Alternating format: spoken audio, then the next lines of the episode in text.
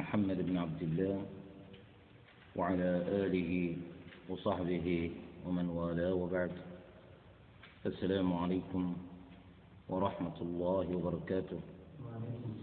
يقول المصنف رحمه الله وأما اليدان فمن أطراف الأصابع إلى المرفقين. لقد أمر الله عز وجل المسلم أن يغسل يديه في الوضوء في قوله عز وجل وأيديكم إلى المرافق. ففهم من هذا أن الإنسان الذي يتوضأ فإنه يجب عليه أن يغسل يديه.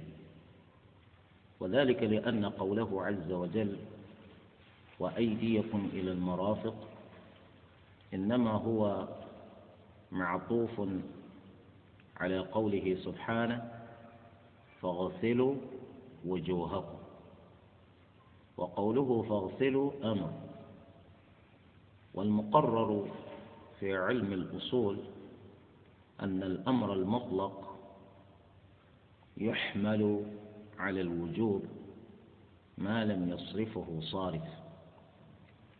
فإذا كان الحكم في الوجه الذي سبق في الآية بهذا الأمر أن يغسلوا إذا كان الأمر فيه يفيد الوجوب كذلك يكون الحكم في كل ما عطف على الوجه. لا سيما وقد اتفق كل من الوجه واليدين في الأمر بالغسل. فالواجب على الإنسان أن يغسل يديه في الوضوء كما قلت إلا أن اليد المأمور إلا أن اليد المأمورة بغسلها ما حدها. حدها من حيث الابتداء من أطراف أصابع اليدين. من أطراف أصابع اليدين إلى المرفقين. والمرفقان يدخلان في الغسل فقوله عز وجل وأيديكم إلى المرافق معناه مع المرافق. فإلى هنا بمعنى مع. فإلى هنا بمعنى مع. فالواجب غسل المرفقين. الواجب غسل المرفقين. بل لا يتحقق للإنسان غسلهما ما لم يشرع في غسلهما بغسل شيء من العضدين.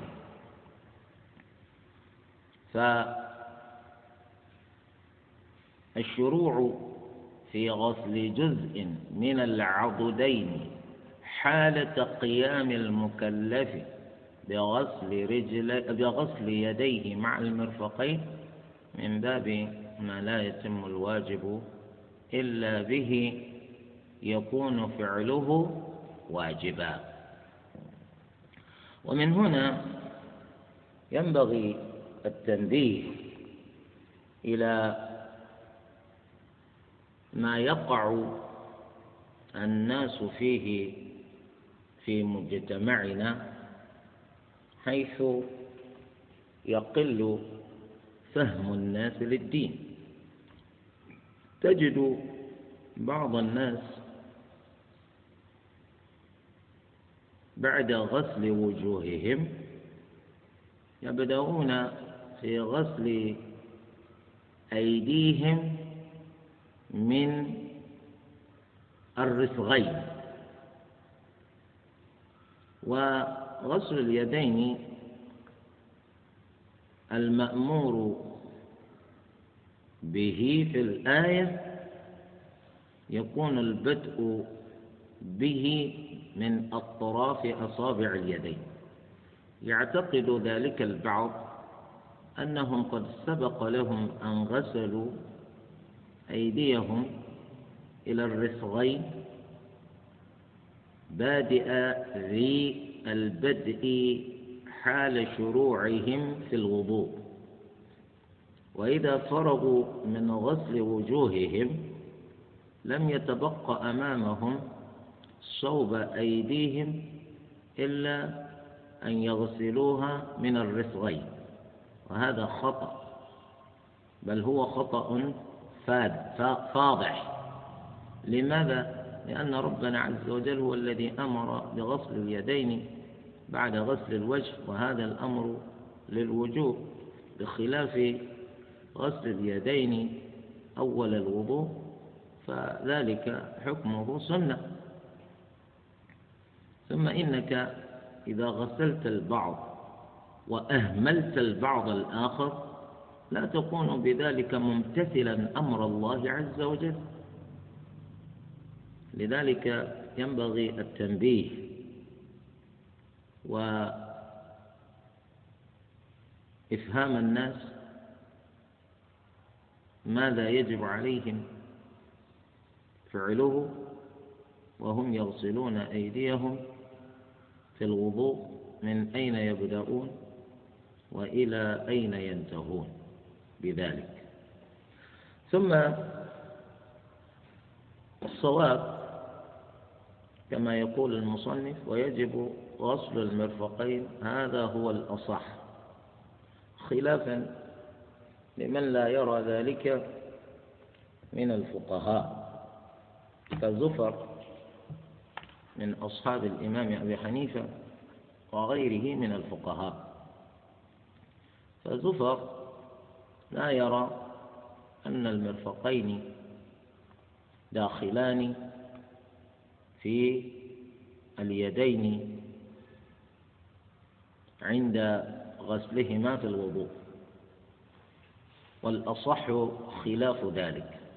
ذلك لأن ربنا عز وجل يقول وأيديكم إلى المرافق. وهذه الآية قد أفهمنا النبي صلى الله عليه وآله وسلم بأن المراد بها أن المرفقين يدخلان في اليدين غسلا في الوضوء. لأن الذين وصفوا لنا وضوء النبي صلى الله عليه وآله وسلم بينوا لنا أنه إذا توضأ فإنه يدير الماء على مرفقيه فإنه يدير الماء على مرفقيه وهذا جاء فيما أخرجه الدار قطني في سننه والإمام البيهقي في سننه الكبرى. فالمرفقان داخلتان في اليدين عند غسلهما في الوضوء. لذا بين أهل العلم أن إلى في الآية بمعنى مع أي وأيديكم إلى المرافق. معنى ذلك مع المرافق. ثم يقول والكعبين على المشهور. طبعا هو أدخل الكعبين مع المرفقين لاتحاد حكمهما فيما ذكر أي أن المرفقين داخلتين والكعبين داخلتان. وهذا هو المشهور عند المالكية وهو الأصح وهو الأصح من حيث الترجيح. وهو الأصح من حيث الترجيح. يقول وفاقا لهم أي القول بإدخال المرفقين وإدخال الكعبين هو قول الأئمة الثلاثة الآخرين. أبي حنيفة الشافعي وأحمد. هؤلاء الثلاثة يقولون بإدخال المرفقين وبإدخال الكعبين وبإدخال الكعبين. وفي تخليل أصابع اليدين والرجلين قولان. أي يوجد قولان في المذهب المالكي في حكم تخليل أصابع اليدين وتخليل أصابع الرجلين في الوضوء. القول الأول أن تخليلها واجب والقول الآخر أن تخليلها مندوب إليه سنة. ثم القول بإيجاب تخليلها جاء من أن ربنا عز وجل أمر المكلف في وضوئه بغسل يديه كما أمره بغسل رجليه. ولا يتم له غسل اليدين ولا غسل الرجلين من غير أن يخلل أصابع كل منهما. لأن غسل اليدين والرجلين إذا خلا من تخليل أصابعهما أو من تخليل أصابعها فإن ذلك مدخل خللا في الوضوء. فلا يتم الواجب بترك تخليلها. وقد تقرر أن ما لا يتم الواجب إلا بفعله ففعله واجب. ثم أثر عن النبي صلى الله عليه وآله وسلم أنه كان يخلل أصابع يديه في الوضوء. إذا كان ذلك كذلك فقد يكون بعض الفقهاء اعتمدوا على هذا في إيجاب تخليل أصابع اليدين. أما تخليل أصابع الرجلين فلم يثبت في ذلك أثر فيما نعلم. وقد يقال بوجوب تخليلها أيضا قياسا على وجوب تخليل أصابع اليدين فيكون ما استدل به لوجوب تخليل أصابع اليدين دليلا لإيجاب تخليل أصابع الرجلين. ومن قال بأن حكم تخليل أصابع اليدين والرجلين مندوب إليه يكون دليله في ذلك أن الله عز وجل لم يأمر بتخليل أصابع اليدين ولا بتخليل أصابع الرجلين. وإنما آه، يفهم من بعض الأحاديث أن النبي صلى الله عليه وآله وسلم كان يخلل أصابع اليدين اليدين. فيكون ذلك دليلا على أنه ليس بواجب. يقول لو كان واجبا لأمر الله به ولما لم يأمر به يفهم من ذلك أنه ليس بواجب. هذا هو. والذي تطمئن إليه النفس هو أن يقال بوجوب تخليل أصابع اليدين والرجلين معا في الوضوء لأن ذلك من باب ما لا يتم الواجب إلا به ففعله يكون واجبا هذا هو. ومسألة أخرى هذه المسألة هي مسألة إجالة الخاتم. إجالة الخاتم. الخاتم هو ما يتحلى الإنسان به في إصبعه. ما ما ما ما يتحلى الإنسان به في إصبعه. آه الخنصر. في الإصبع الخنصر الذي بجوار البنصر بجوار الوسطى في اليد اليسرى إن شئت أو في اليد اليمنى إن أردت. غير أن الذي أتت به السنة أن النبي صلى الله عليه وسلم كان يجعل خاتمه في خنصر يده اليسرى. يعني أكثر الأحاديث أتت بهذا. وهناك حديث يعني أحاديث قليلة أتت بأن النبي صلى الله عليه وسلم كان ربما جعل خاتمه في خنصره بيده اليمنى. على أي حال إذا تحلى الإنسان بخاتمه على ألا يكون ذلك الخاتم خاتم محرما. على ألا يكون ذلك الخاتم خاتما محرما على الرجال. بأن يكون خاتم ذهبيا. إذا كان ذلك الخاتم خاتم إذا كان ذلك الخاتم خاتما ذهبيا ذلك يكون محرما على رجال هذه الأمة. كذلك إذا كان الخاتم ذلك مصنوعا من الحديد فإن ذلك يكون خاتم الشيطان.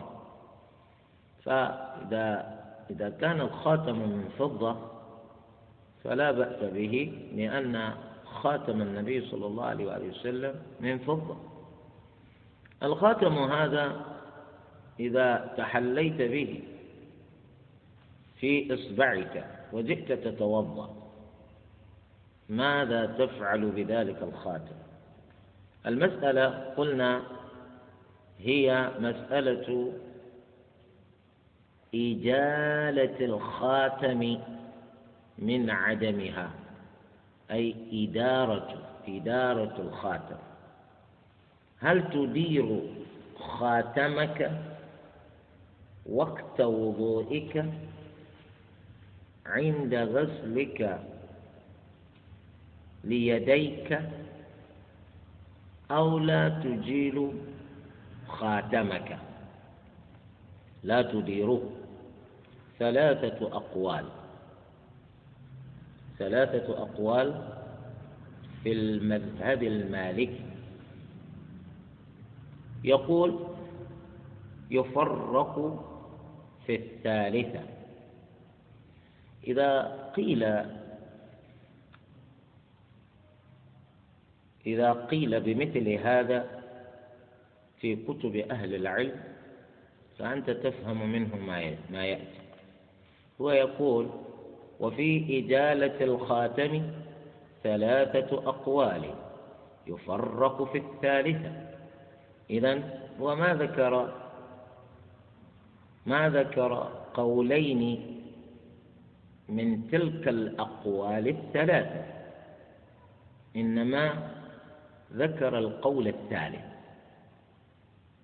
إذا تقول القول الأول أن الخاتم يجال في الوضوء. القول الثاني أنه لا يجال. القول الثالث الفرق بين الخاتم الضيق وغير الضيق. أي إذا كان الخاتم ضيقا فإنه يجال. تيسيرا للماء على المرور. حتى يتسنى بذلك للماء أن يتغلغل إلى أسارير إصبعك حيث الخاتم الضيق. أما إذا كان الخاتم واسعا غير ضيق فلا حاجة إلى إجالته إلى إدارته لا حاجة إلى إدارته لأن الماء بنفسه يسير إلى ما تحت الخاتم ليصل إلى كل إلى إلى كل إصبعك إذا ثلاثة أقوال. وهذا القول الثالث وهو القول بالتفريق بين الخاتم الضيق والواسع هو قول أحمد بن حنبل.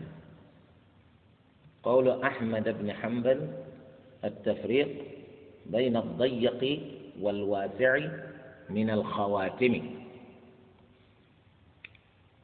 ولا شك أن هذا يكون أصح الأقوال.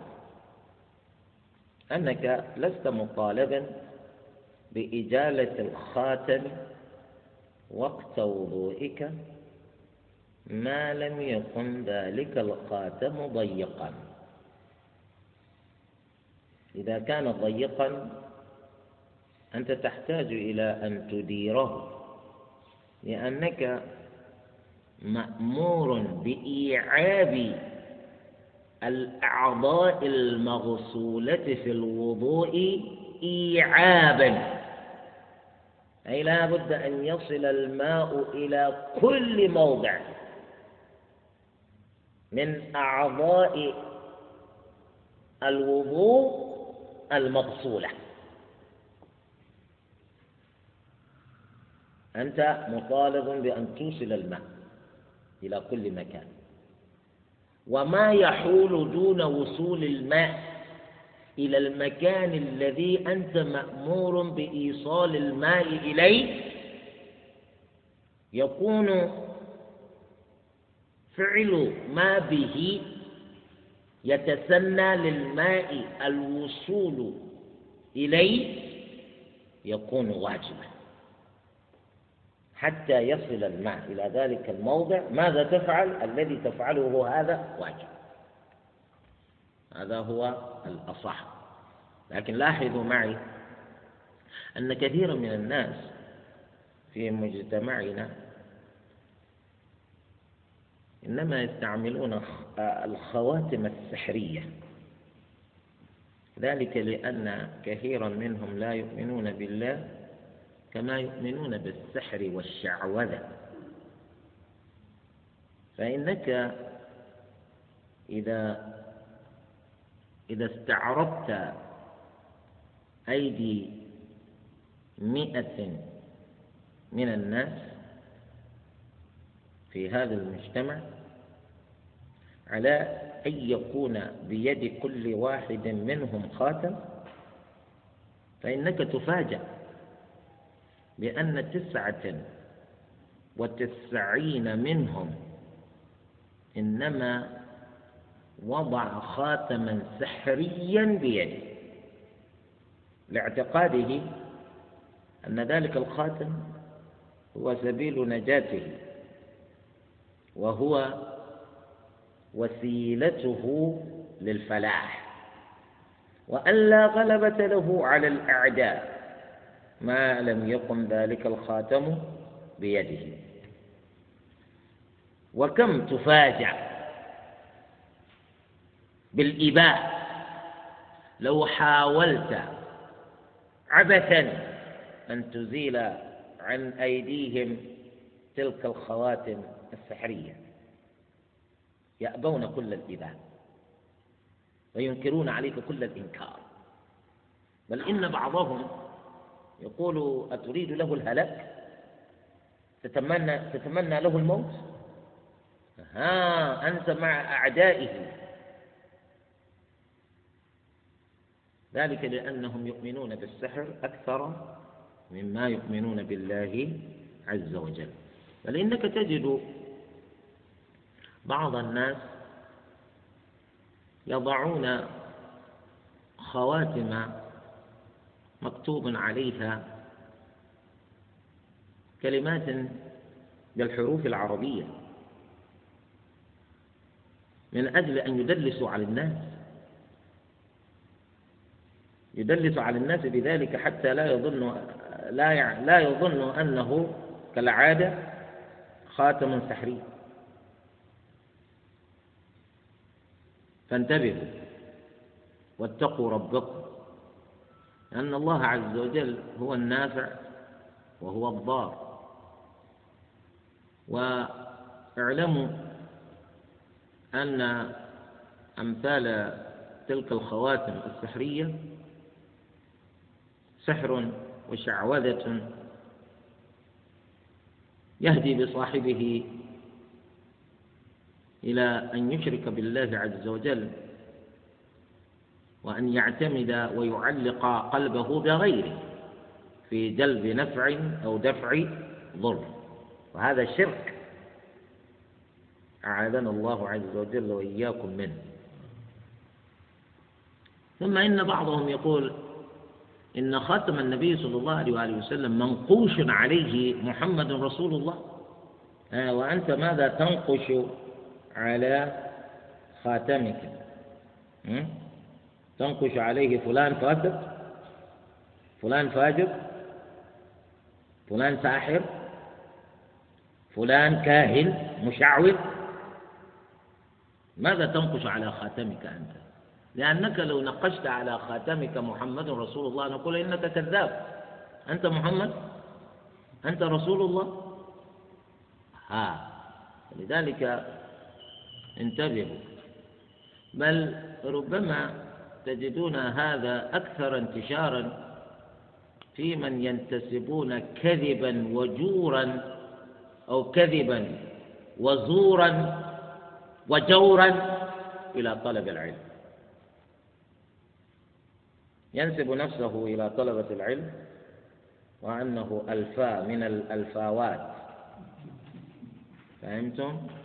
هؤلاء للأسف الشديد تجدهم مشعوذين سحرة كهان عرافين. هم الذين ينشرون هذه المنكرات والشركيات في الناس. طبعا من كان بيده خاتم سحري يؤمر بنزعه. يؤمر بنزعه ولا يكون الكلام مع مثله في إزالته عند الوضوء. الكلام مع مثل هذا بإذاعته بإذا بنزعه وإزالته بالكلية. لأن ذلك الخاتم إذا بقي فيه حتى يموت لن يفلح أبدا. وقد قال النبي صلى الله عليه وآله وسلم للصحابي الذي وجد النبي صلى الله عليه وآله وسلم أنه يجعل حلقة في عضده. فقال ما هذا؟ قال يا رسول الله من الواهنة. وقال النبي صلى الله عليه وسلم انزعها. فإنها لا تزيدك إلا وهنا. فإنها لو بقيت فيك حتى مت ما أفلحت أبدا. إذا كان هذا الكلام مع الصحابي فما بالك بغير الصحابي؟ انتبه. لو صلى الإنسان بخاتم سحري أو بخيط سحري أو بحلقة سحرية. فما حكم صلاته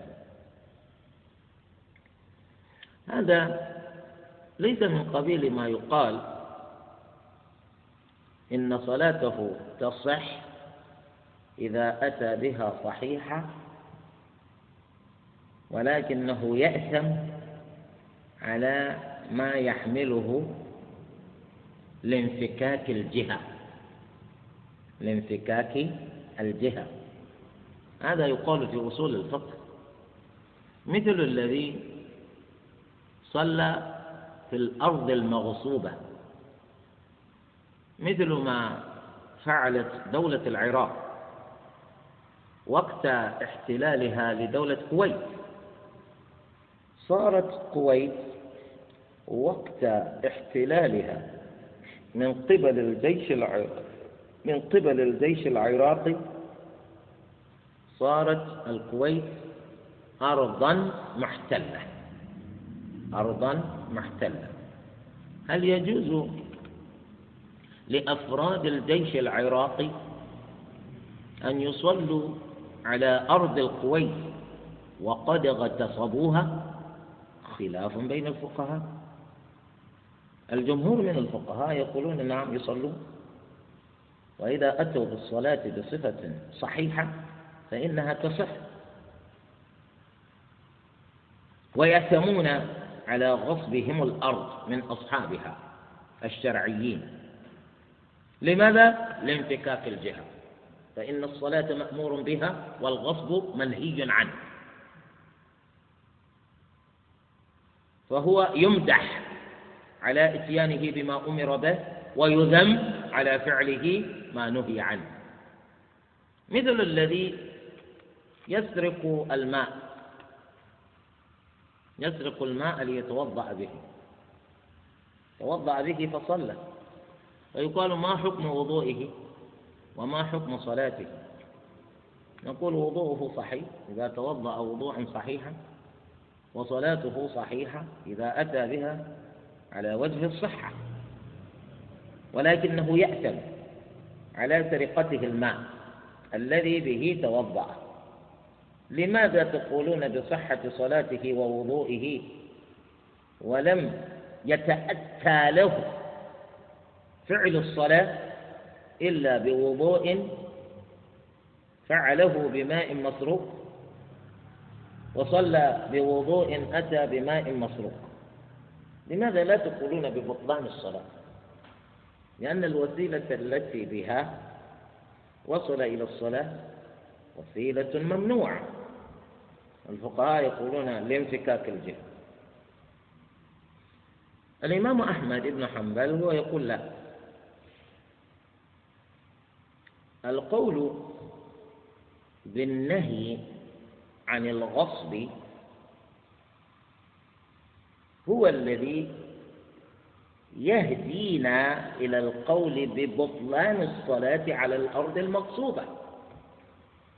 والقول بالنهي عن السرقة هو الذي يهدينا إلى القول ببطلان الصلاة الذي التي أتى بها صاحبها بوضوء فعله بماء مسروق. هذا هو قول الإمام أحمد بن حنبل. لكن الفقهاء الجمهور يقولون لا لانفكاك الجهة وقولهم هو الأصح هنا. لكن إنسان صلى بخاتم سحري بحلقة سحرية في عضده ما حكم صلاته؟ نقول صلاته باطلة. لا نقول بانفكاك الجهة هنا. وذلك لأن السحر خادش في أصل التوحيد ومبطل له ومهدم له ويجتثه من أساسه حتى لا يبقى له أثر. يعني أنت تؤمن بغير الله وتأتي وتقول أصلي أصلي لله؟ تضع على جسمك شيئا. استدللنا به على أنك تعلق قلبك بغير الله.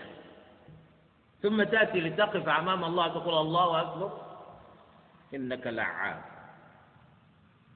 بخلاف الذي يصلي بثوب عليه صورة.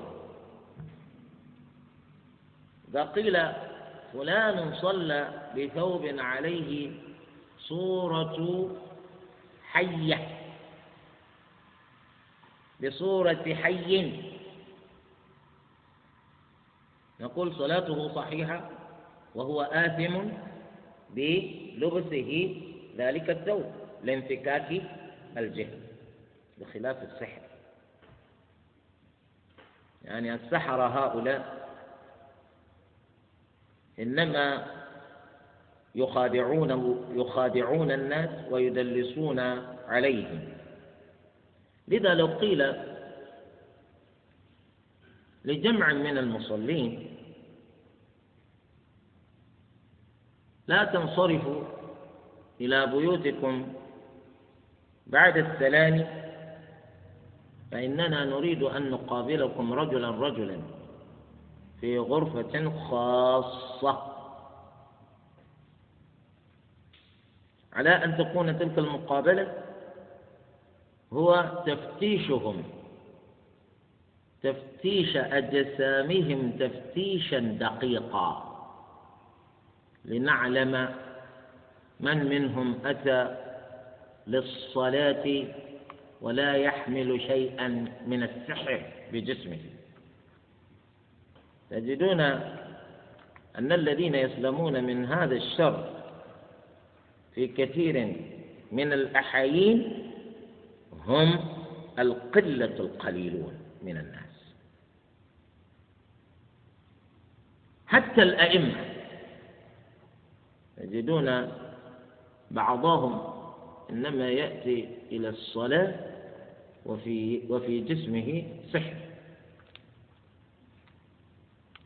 لأنه يعتقد أن لا سلامة له ولا عافية إلا بالسحر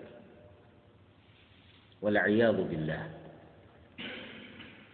يقول وأما الرأس فيجب مسح جميعه. نعم وذلك لقول الله عز وجل وامسحوا برؤوسكم. وامسحوا برؤوسكم. فالله عز وجل في هذه الآية ثم الباء هنا الباء هنا ليست تبعيضية. ليس معنى الباء وامسحوا ببعض رؤوسكم. وامسحوا برؤوسكم. وامسحوا برؤوسكم صلة الباء صلة للتأكيد. ولا يقال لها زائدة. إذ يمكنك أن تقول في غير القرآن وامسحوا رؤوسكم. فالباء زائدة. لا يقال زائدة. إذ ليس في القرآن الكريم شيء زائد. لأن القول بإمكان وجود شيء زائد في القرآن يفضي إلى القول بإمكان إزالة شيء من القرآن. وهذا الثاني باطل فلا يكون الأول بذلك إلا باطلا. يعني لو قال قائل في القرآن ما يمكن إزالته هذا كفر. يعني أنت تأتي الآن تقول هو الله أحد. يا أيها الكافرون لا أعبد ما تعبدون. يقول هذا كفر. كيف تجرؤ؟ على على الله وتقول إن شيئا مما قاله ربنا نحن اليوم نستغني عنه لا نحتاج إليه. ويقول بعض البلهاء بل الأولى بالنبي صلى الله عليه وسلم لما أنزل جبريل عليه السلام عليه بمثل هذه الصور قل هو الله أحد.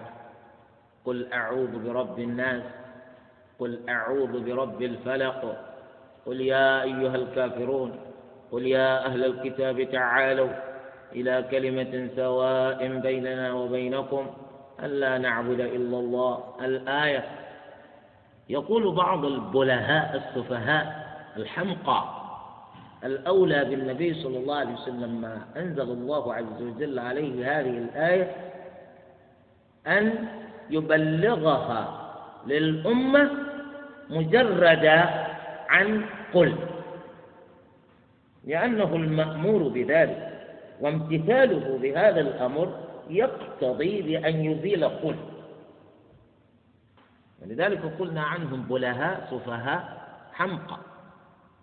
الرسول صلى الله عليه وسلم مبلغ عن الله وهو يبلغ القرآن كما أنزله الله عز وجل عليه. ليس له فيه حرف ولا كلمة. إنما بلغه لأمته كما بلغه له جبريل عن ربه عز وجل. وهو لا يتصرف في القرآن بشيء. إنما يبلغه لنا كما أنزله الله عز وجل عليه عن طريق جبريل عليه السلام. ولذلك للأسف الشديد هذه الآفة السيئة والمرض المزمن قد وجد له أثر في مجتمعنا هنا. في إحدى القرى النائية وأنا أسافر في مرة من المرات وقفنا لنصلي الفجر في أحد المساجد.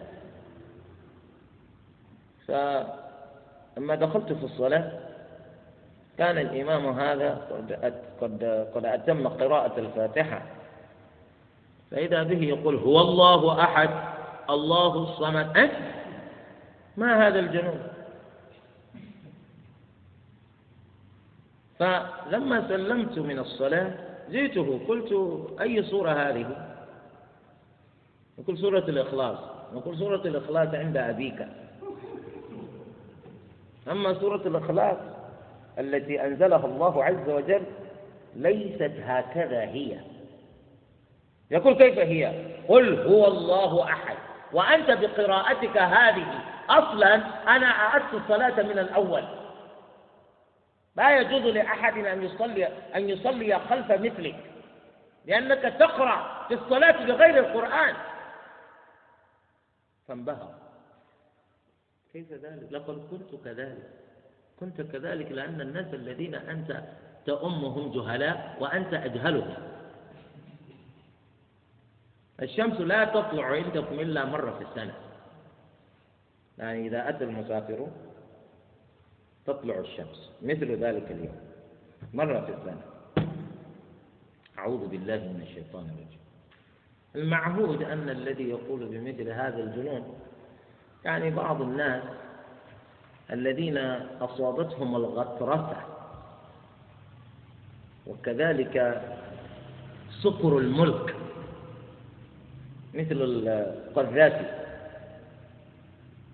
الزعيم الليبي. المقتول هذا والذي يقول بمثل هذا الكلام كلام المجانين. بل عندي بعض عندي بعض الكتب التي يتكلم فيها بأن ينبغي أن نزيل القرآن. كل كل كل كل كلام المجانين. هذا به طغيان الملك وسقره أعوذ بالله من الشيطان الرجيم. فلذلك نقول الباء هنا الشاهد أن الباء في قوله عز وجل وامسحوا برؤوسكم لا نقول زائدة ليس في القرآن شيء زائد. أنت إذا لم تفهم مراد الله عز وجل بشيء من في القرآن هذا لا يكون دليلا على أنه زائد. وعلى أنه لا فائدة فيه وإنما ذكره الله. أنت الذي تعاني من جهل. وداء الجهل التعلم. ثم تسأل. لأن الذي لا تفهمه أنت غيرك يعلمه. يعني أنت حتى تختصر على نفسك الطريق تسأل عند أهل العلم. لأنك أحيانا قد تضيع عمرك في طلب المحال. لأن فهمك لا يصل إلى هذا الشيء وعندك الكتب لكن ما عندك فهم. ثم تقرأ في الكتب لتزيد ضلالة على ضلالك السابق. أنت تسأل لأن الذي تعاني منه هذا قد عانى منه من قبلك وقد تغلبوا عليه بتعلمه. لما لم يتكبروا على غيرهم من العلماء تعلموا منهم. وأنت لماذا تتكبر على أهل العلم؟ وتقول هم رجال وأنا رجل. أنا لماذا أسأل؟ أنا أيضا أجيد اللغة العربية. فبالتالي أستطيع أن أقرأ. أنظر في الكتب وأفهم. وكم من عائب قولا صحيحا. وآفته من الفهم السقيم. فكثير من الناس يقول هذا القول لا يصح هذا القول لا يصح. القول يصح إنما هو المريض. فهمه مريض. لذلك الإنسان لا يتكبر على أهل العلم ولا يستخف بهم. ودأب كثير من الناس إذا بدأوا في طلب العلم أن يغشاهم التكبر. ويروا أنهم فوق كل أحد في هذا المجال فهما وتحقيقا وتدقيقا وأن لا أحد يستطيع أن يشق لهم غبار. ما يدري جاهل. ما يدري أنه الذي يجهله أكثر مما يعلمه وكل من يدعي في العلم معرفة عرفت شيئا وغابت عنك أشياء. فلذلك نقول لا يوجد في القرآن الكريم شيء زائد يمكن الاستغناء عنه. لا يوجد. لأنه تنزيل من رب العالمين. ووجود زائد في الكلام هذا يقال له حشو. والحشو في كلام الله محال. الحشو في كلام الله محال. فلأجل هذا نقول وامسحوا برؤوسكم. العلماء يقولون الباء صلة. هكذا تعبر بتعبيره. صلة جيء بها للتأكيد. أي وامسحوا برؤوسكم كلها. وامسحوا برؤوسكم مسحا شاملا. إذا هذا هو. ولذلك يقولون فيجب مسح جميعه. لهذه الآية. وأيضا الله عز وجل في هذه الآية علق علق الحكم باسم. والاسم هنا رؤوس. وامسحوا برؤوسكم. ورؤوس جمع رأس. وإذا علق المقرر في الأصول أن الحكم إذا علق باسم وجب استيفاء ما يتناوله ذلك الاسم. إذا علق الحكم باسم وجب استيفاء ما يتناوله ذلك الاسم. أي ربنا يقول وامسحوا برؤوسكم. حتى تكون ممتثلا هذا الأمر يجب عليك أن تمسح رأسك كله. كأن يقول الإنسان لأحد كل رغيفا وأعط درهما. كل رغيفا وأعط درهما. لو أكل هذا الإنسان ثلث الرغيف هل يكون ممتثلا؟ لا. لو أكل نصفه لا يكون ممتثلا. لو أكل ثلثين لا يكون ممتثلا حتى يأكله كله. وأعط درهما لو أعطى نصف الدرهم لا يكون ممتثلا.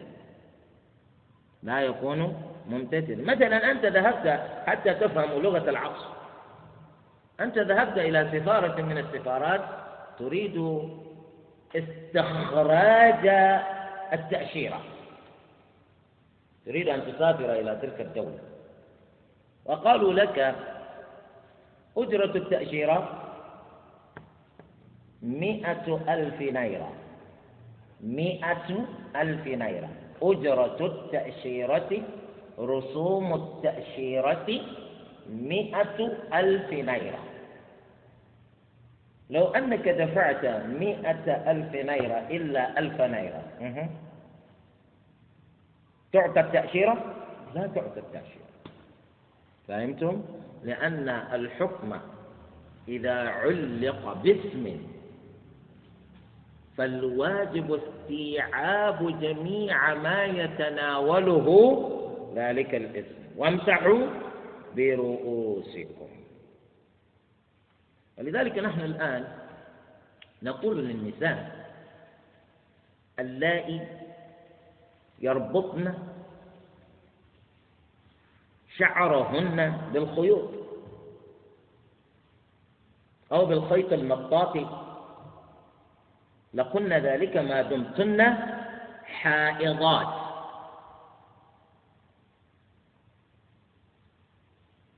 ما ما دمتن حيض أو حيضا. لماذا؟ لأن الله عز وجل أمركن كما أمر الرجال بأن يمسحوا رؤوسهم في الوضوء. والحكم هذا معلق بالإسم. والقاعدة تقول إذا علق الحكم باسم وجب استيفاء. جميع ما يتناوله ذلك الاسم والتي تمسح رأسها. وقد ربطت شعرها بخيط حائل دون وصول الماء إلى شعر رأسها. هذه ما مسحت رأسها إنما تلعب. لأنها إنما مسحت ببعض رأسها دون البعض الآخر. كذلك.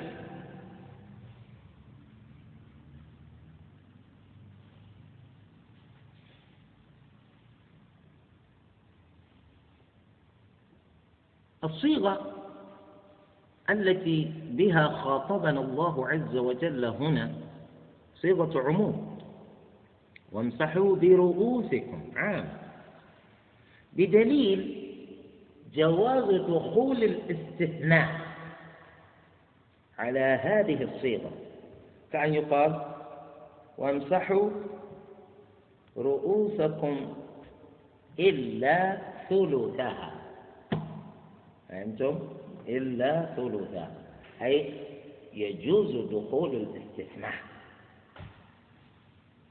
على هذه الصيغة ففهم أن الصيغة هنا صيغة عموم. ويقال الاستثناء دليل العموم. هذه قاعدة أخرى فصولية الاستثناء دليل عموم. كما قال الله عز وجل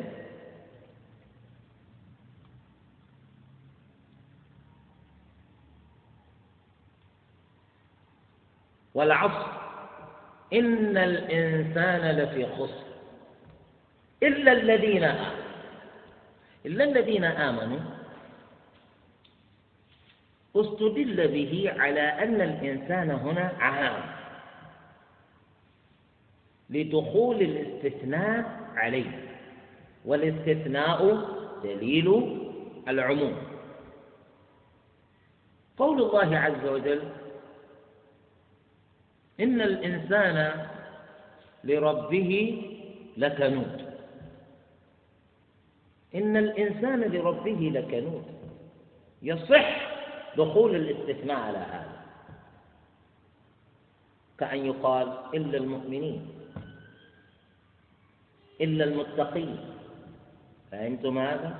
إذا الاستثناء دليل العموم. إذا الصيغة التي بها خاطبنا الله عز وجل في أمره إيانا بمسح رؤوسنا صيغة عموم. بدليل جواز دخول الاستثناء عليها وبدليل جواز دخول التخصيص عليها. يجوز دخول التخصيص عليها والتخصيص لا تدخل أيضا إلا على العموم. فتقول عام مخصص. وهكذا. فهذا يدل على أنك مطالب بمسح رأسك كله في الوضوء. ولأن الرأس ذكره الله عز وجل مطلقا مطلق من غير تقييد من غير تقييد ومن غير تحديد. فوجب إيعابه. الله ذكر الرأس مطلقا. حتى تكون ممتثلا لا بد أن تشمل كل ما يشمله ذلك الاسم مسحا. فإذا قيل لك لماذا تمسح رأسك كله؟ تقول ربي أمرني بمسح رأسي وأنا ما مسحت إلا رأسي. وأنت الذي تمسح الربع وتمسح الثلث. إذا قيل لك كيف؟ أنت الذي تحتاج إلى تأويل. إذا الله عز وجل أمر بمسح الرأس أمرا مطلقا من غير تقييد ولا تحديد. فوجب إيعابه مسعى كالوجه حين أمر الله عز وجل بغسله. فإنه أمر بغسله مطلقا. قال الله عز وجل فاغسلوا وجوهكم. أين تترك؟ ولذلك قلنا لكم من يقول إن الصدق لا يدخل في الوجه أي ما بين العين والأذن نقول هذا الكلام كيف؟ كذلك العالم الذي قال إن العذار ما بين الشعر والأذن لا يدخل في الوجه نقول كيف هذا؟ وهو القاضي عبد الوهاب البغدادي. قلنا هذا الكلام غريب حتى إن صاحب الكتاب أيضا وأغرب القاضي عبد الوهاب أي جاء بقول غريب. إذا الله عز وجل في الوجه أمر بغسل الوجه مطلقا من غير تحديد. فقلنا الواجب أن نستوعبه غسلا. كذلك لما أمر بمسح الرأس أمرا أو, أو وأطلق أطلق الرأس من غير تحديد ولا تقييد قلنا وجب إيعابه مسحا. وهذا هو الصواب إن شاء الله. ثم يقول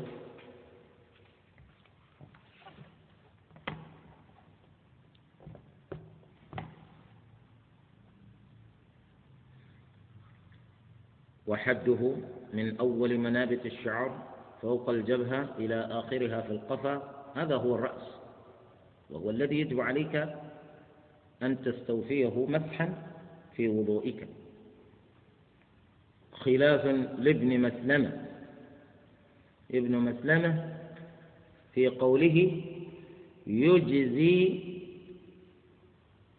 مسح الثلثين. ابن مسلمة من المالكية. ويقول إذا مسحت ثلثي رأسك فإن ذلك يجزئك. بأي دليل؟ ما هو الدليل؟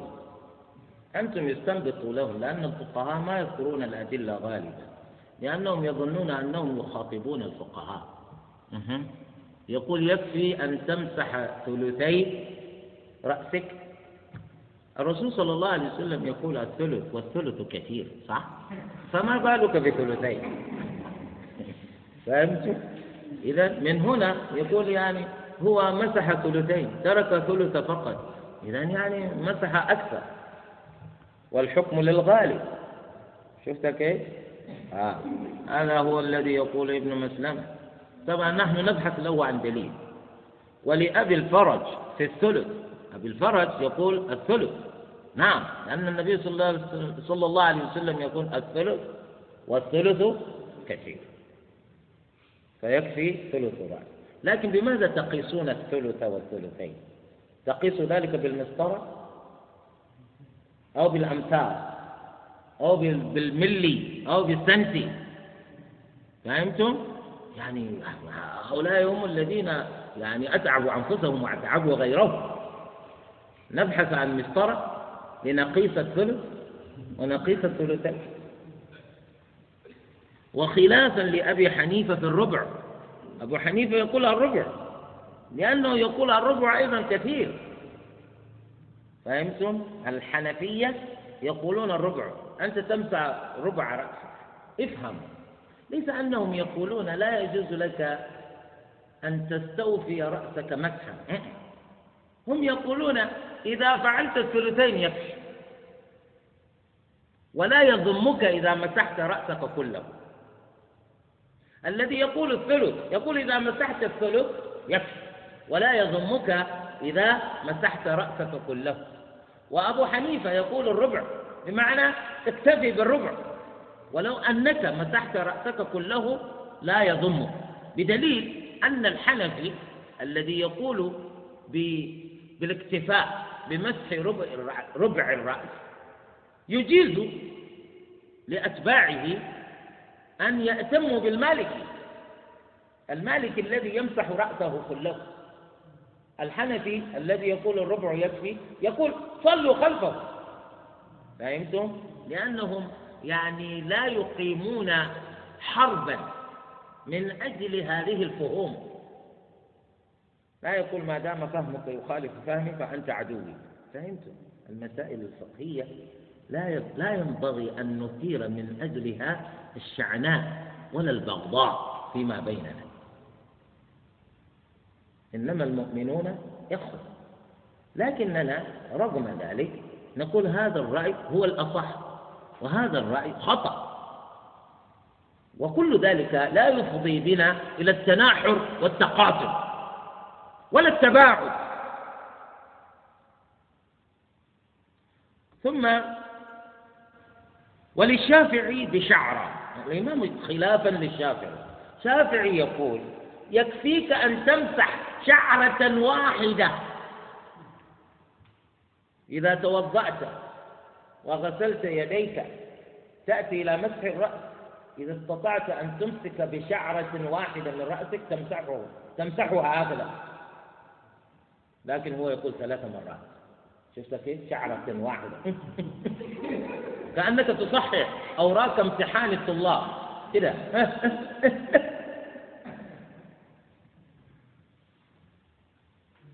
ومن هنا المشكلة.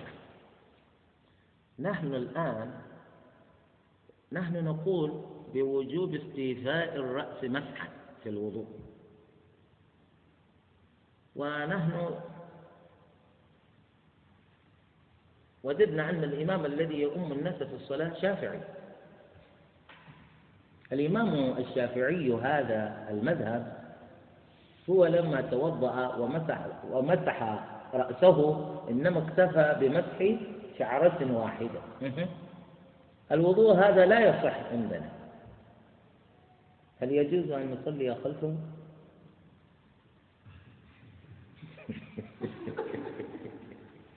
ولذلك هم يفترضون مسائل. يقولون لو توضأ الإنسان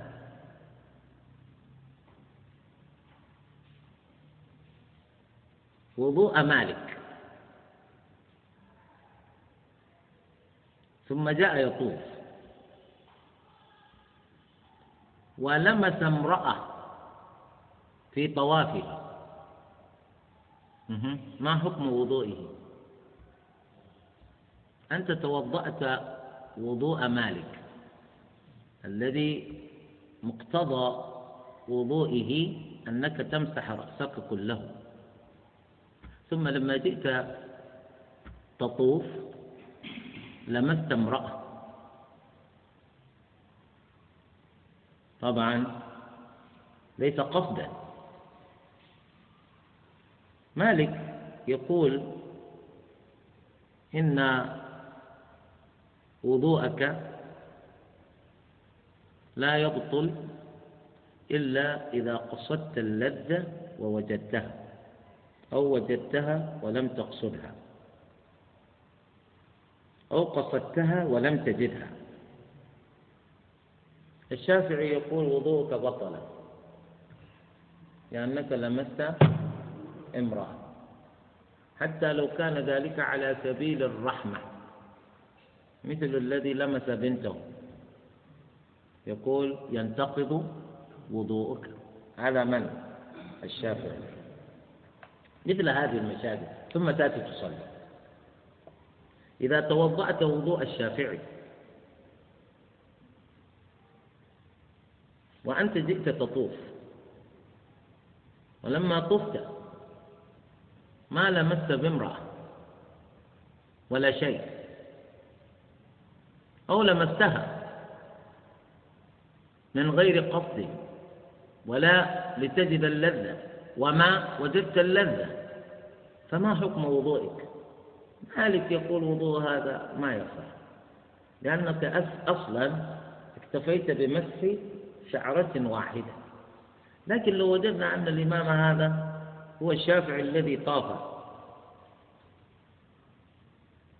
ووجدنا أن الإمام هذا هو المالكي الذي لمس امرأة عند الشافعي. الشافعي يقول صلوا خلفه. عند مالك مالك يقول صلوا خلفه. ما في إشكال. فهمتم هذا؟ فلذلك لا تقيموا الدنيا بحيث لا تقعدوها من أجل المسائل الفقهية التي مبناها على الظن. لكن كون المسائل الفقهية مبناها على الظن لا يكون ذلك ذريعة لأن تقول كل ما يقوله فقيه يصح. لا ليس كل قول يصح. ولذلك نحن نحتاج من طالب العلم أن يصل إلى رتبة الاجتهاد الترجيحي.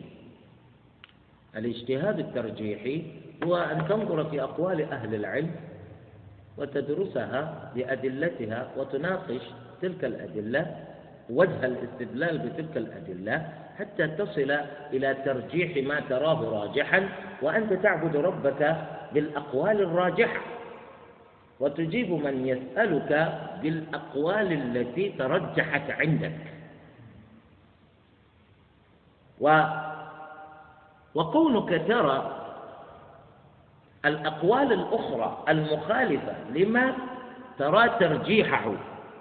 كونك تراها مرجوحة ليس معنى ذلك أنك تستعدي من يقول بمثل تلك الأقوال المرجوحة. أي لا تتخذهم أعداء ولكنك تتمسك بما ترى ترجيحه. ولا تتركه إلا بدليل يقنعك بأنه قول ضعيف. فهمتم هذا؟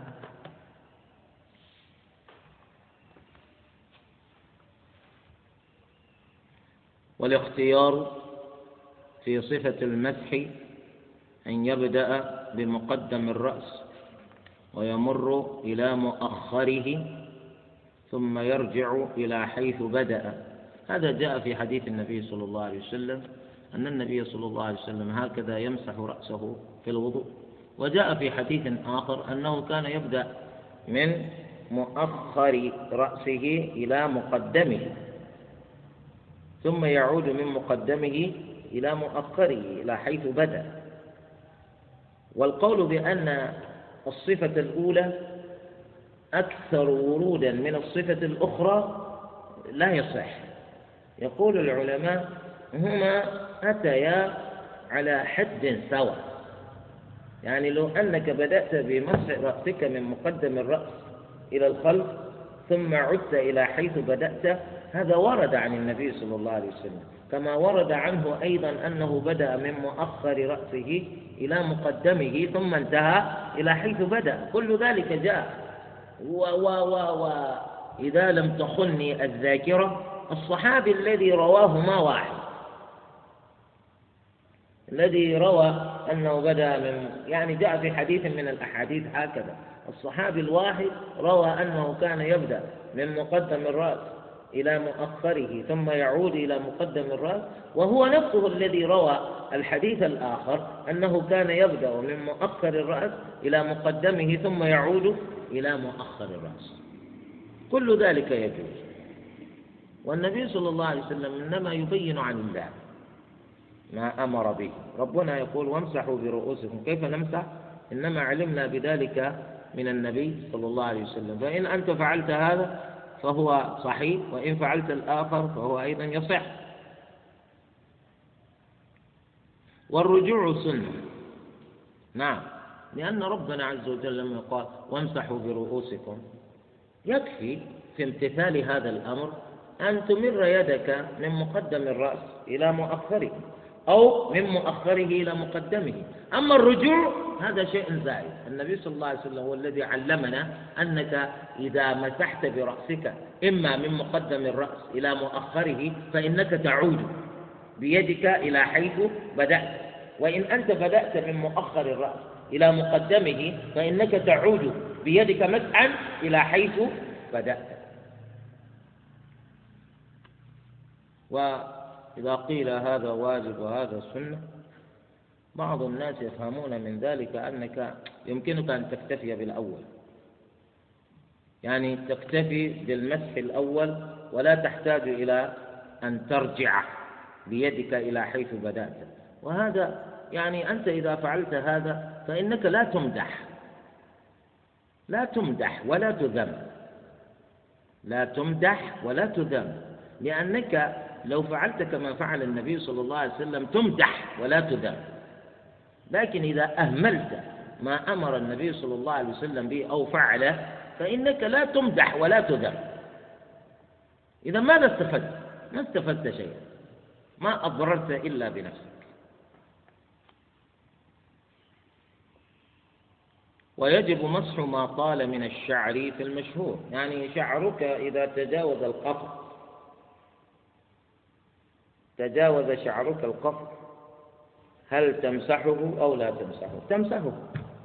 لأنه متصل بالرأس. لأنه متصل بالرأس. هذا على المشهور. وهناك قول آخر أنك إذا مسحت إلى آخر الرأس يكفي. أما ما طال من الشعر هذا تتركه. والصواب أنك تمسحه كله. نكتفي بهذا قوله وأما الرجلان. نكتفي بهذا. نسأل الله عز وجل أن يفقهنا في ديننا وأن يعلمنا ما جهلنا وأن يبارك لنا فيما علمنا. سبحانك اللهم وبحمدك أشهد أن لا إله إلا أنت أستغفرك وأتوب إليك.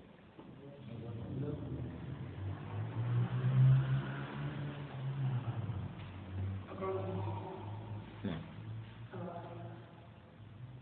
هل يجوز الاجتماع على الحديث جعل من الحرب مسجدا مطهورا هل تعلم مثل هذا الحديث في الصحيحين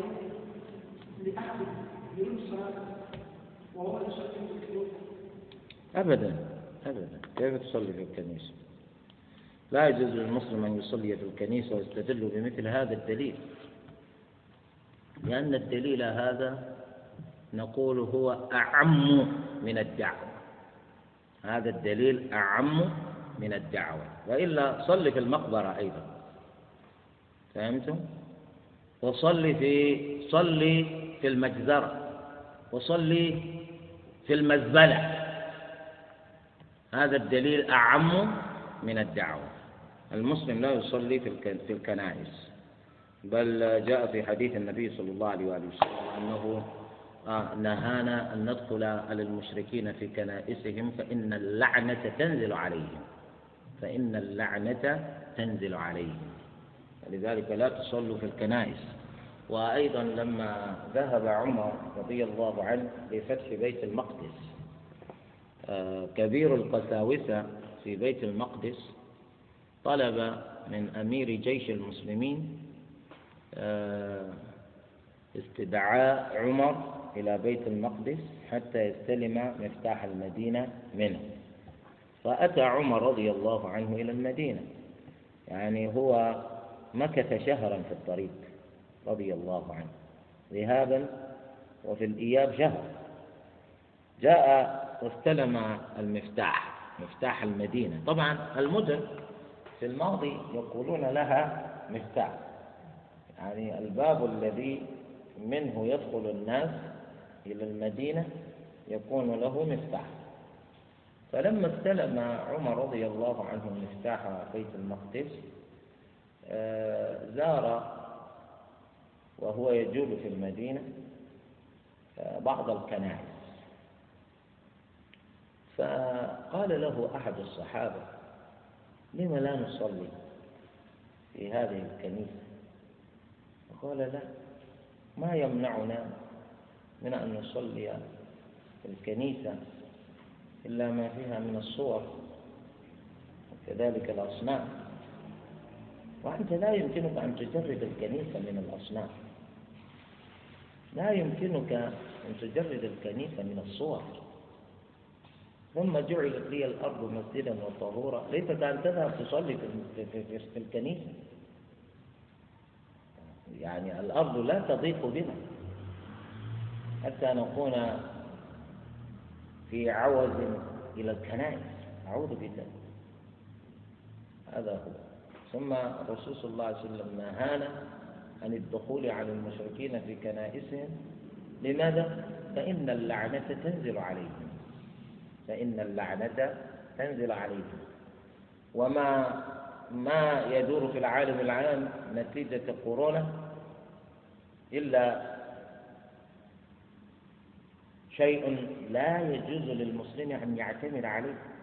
فإنه نابع عن جهل وعاطفة جوفاء. مثل ما سمعنا في ألمانيا أن الكنائس في ألمانيا فتحت أبوابها أمام المسلمين ليصلوا داخلها لأن المساجد تضيق بهم. نتيجة إيجاب ترك المسافات بين مصل ومصل صارت المساجد لا تستوعبه. وهم لا يسمحون للناس أن يصلوا في الشوارع. فلذلك الكنائس فتحت أبوابها أمام المسلمين. قالت لهم بدلا أن ألا تجدوا مكان تصلوا فيه داخل مساجدكم لأنها الآن تضيق بكم نتيجة هذا النظام الجديد. تعالوا لتصلوا داخل الكنائس. ودخل بعضهم فعلا إلى الكنائس واصطف داخل الكنائس ليصلوا. هذه مصيبة وجهل. هذه مصيبة وجهل. ما الذي يضركم أن تصلوا في بيوتكم؟ لا يضركم شيء. صلوا في بيوتكم في بيوتكم. نعم. هذا. نعم. هذا شيء آخر. ما عادت كنيسة. لصارت مسجدا.